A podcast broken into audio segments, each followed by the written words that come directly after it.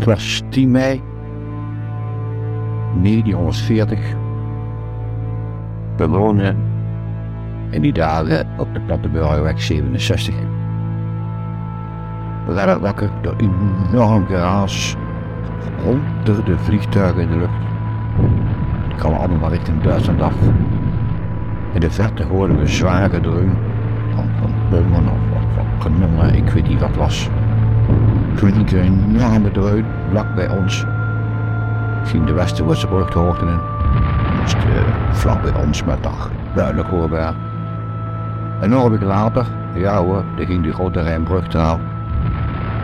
En van de radio aangezet hoorden wij dat was dan de Duitsers waren Nederland binnengetrokken.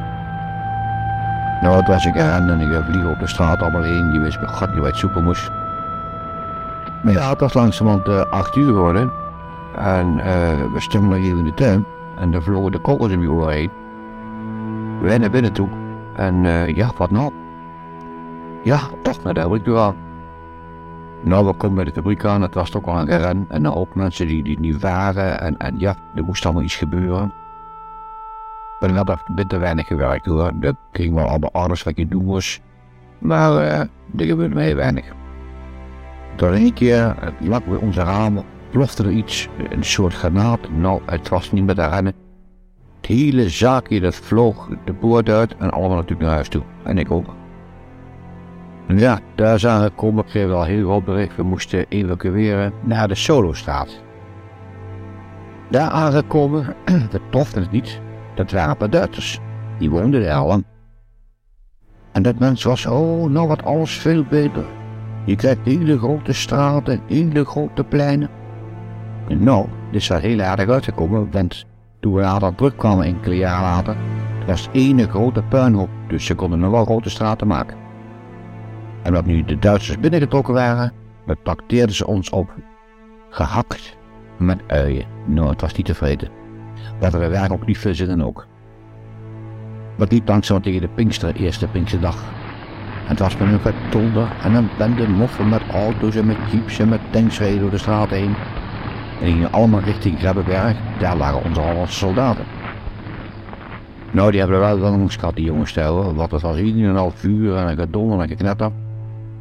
Maar was nog een dag of wat later en het was dus schijnbaar afgelopen, want die hoorde me bitter weinig van dingen allemaal hoor. Toen kregen we bericht, we mochten wel weer teruggaan naar ons huis op Platteburgerweg. Nou, al al lang lekker hoor.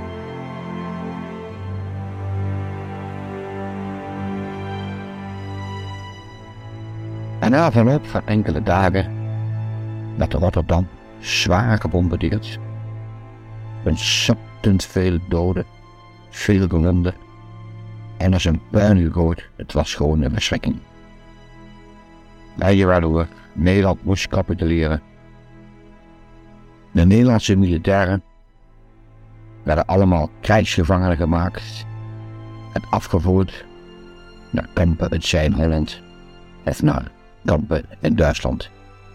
Menig traantje is daar weer weggelaten van moeders die hun man of zoon zagen wegvoeren naar het onbekende land.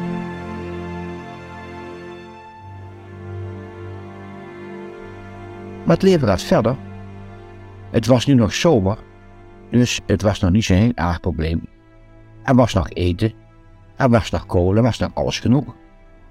Alleen we vonden het erg vreemd dat je steeds maar Duitse soldaten zag met handen vol met chocolade weghalen uit de winkels. Wij snapten er niks van. Maar het bleek natuurlijk dat ze in Duitsland al lang, al lang niet meer chocolade en sigaretten en dergelijke dingen konden krijgen wat hier nog volop was. Maar het duurde me heel even, de zaak ging op de bom. Dus je kreeg overal een bonnetje voor en er werd aan de kant bekendgemaakt. Vandaag kun je dit kopen en morgen kun je dat weer krijgen. Tenminste, zolang de voorraad. Maar in het begin dat wel mee. Nou, het leven, dat gaat verder. Er kwamen veel geboden en verboden. En daar heb je maar strik te houden. Je mocht niet meer als vier of vijf personen verzameld bij elkaar staan, want er zou op geschoten worden. De Joden werden diverse dingen waar je in mochten, in cafés of restaurants. Allemaal van die dingen die heel langzaam zeker naar voren traden. Joodse zaken werden geplunderd, mensen werden weggevoerd. Waarheen? Ja, wij begrepen het nog niet. Die zouden zogenaamd even naar Duitsland gaan. Maar ook zoals je allemaal weet, zijn de weggeven alle van teruggekomen. Maar langzamerhand werd het donker, de winter kwam. En toen begon de narigheid pas goed. Er mocht helemaal geen licht naar buiten stralen. En lantaarnpalen waren gedoofd. Als je een fiets had, dan moest je daar voor de lamp een zwart papier plakken met een heel klein spleetje erin van nog geen centimeter en daar straalde je licht heen. Ook de auto's, die hadden een heel klein pitje op, want je mocht vooral niet licht zien vanaf naar bovenaf van eventuele bombardementen, die toen nog steeds nog niet aan de gang waren, maar ja, dat komt nog wel natuurlijk. Het is onbegrijpelijk hoe donker of dat kan zijn.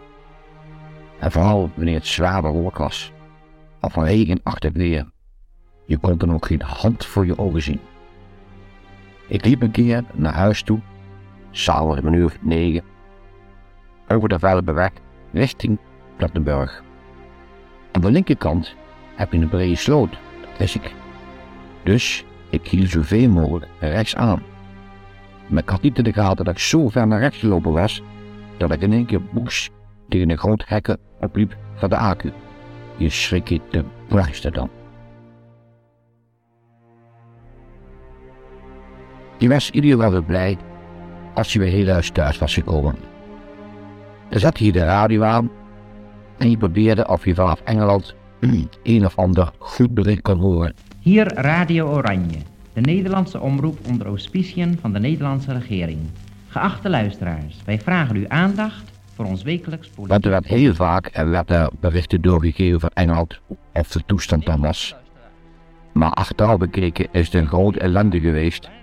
Want heel veel mensen zijn er slachtoffer van geworden door stiekem te luisteren naar Radio Oranje, zoals het toen heette.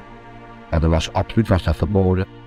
En als ze maar wisten dat iemand ernaar luisterde, dan werd de zaak in beslag genomen, werd opgebracht of weggebracht naar een concentratiekamp. En je weet niet of je ooit er wel terug zal komen. Nee, nou ja, wij gingen maar weer verder. Het enige vertier wat we nog hadden, dat was dan dansen bij de boarding. En dat was een zogenaamd een besloten gezelschap. En daar mochten dan geen moffenen komen. Dus dat was wel leuk dan. Dan leek ik trouwens al een meisje kennen, wat dan nu mijn vrouw is geworden. En zo sukkelden wij maar eigenlijk zo'n beetje de hele winterdag door. Er was niet veel meer te krijgen. Als je eens een keer met je meisje uit wou, dan moest je het maar zoveel mogelijk overdag doen. Want samen was het echt niet bluis op de straat. Maar ik kan me goed herinneren dat ik op de Katrijnstad liep. En er waren de Duitsers in een café. En er waren ook de Hollandse mariniers, waren daar toen nog. En als men een vechtpartij man was gewoon verschrikkelijk dan. Dan was je blij als je de hele dag langs heen kwam weer hoor.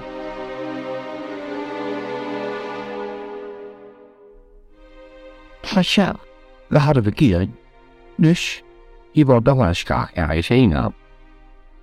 Nou, het enige wat je dan kon doen, dat was bij wijze van spreken op de Steenstraat. Dan had je een restaurantje. En dan kon je een kopje surrogaat koffie drinken. Of een glaasje bier waar niet al te veel aan was. Hele enkele keren een klein likeurtje. Maar dat was eigenlijk nog wel het enige wat je nog kon kopen dan. Of je ging met je meisje naar uh, het Rembrandt. Dat was allemaal aardig, maar in eerste plaats kreeg je natuurlijk al die stukken films te zien van de oorlog.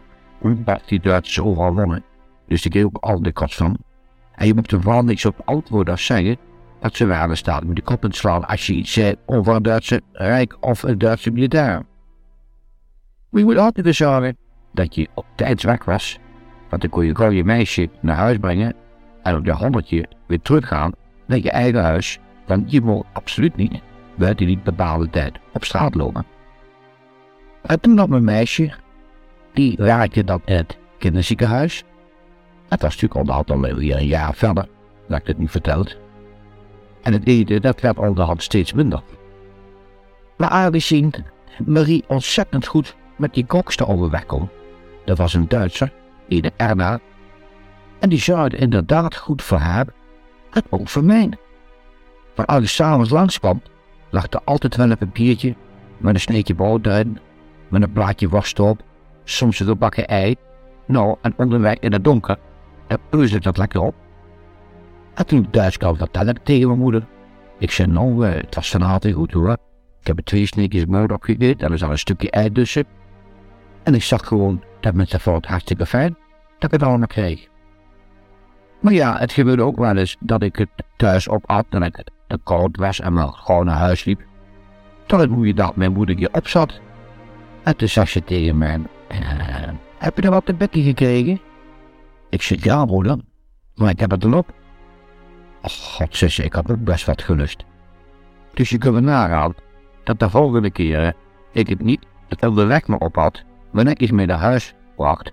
En dat samen zaten we heerlijk aan een of andere slapende stoppen nog. Je kunt nagaan, dat was vaak groot feest voor ons.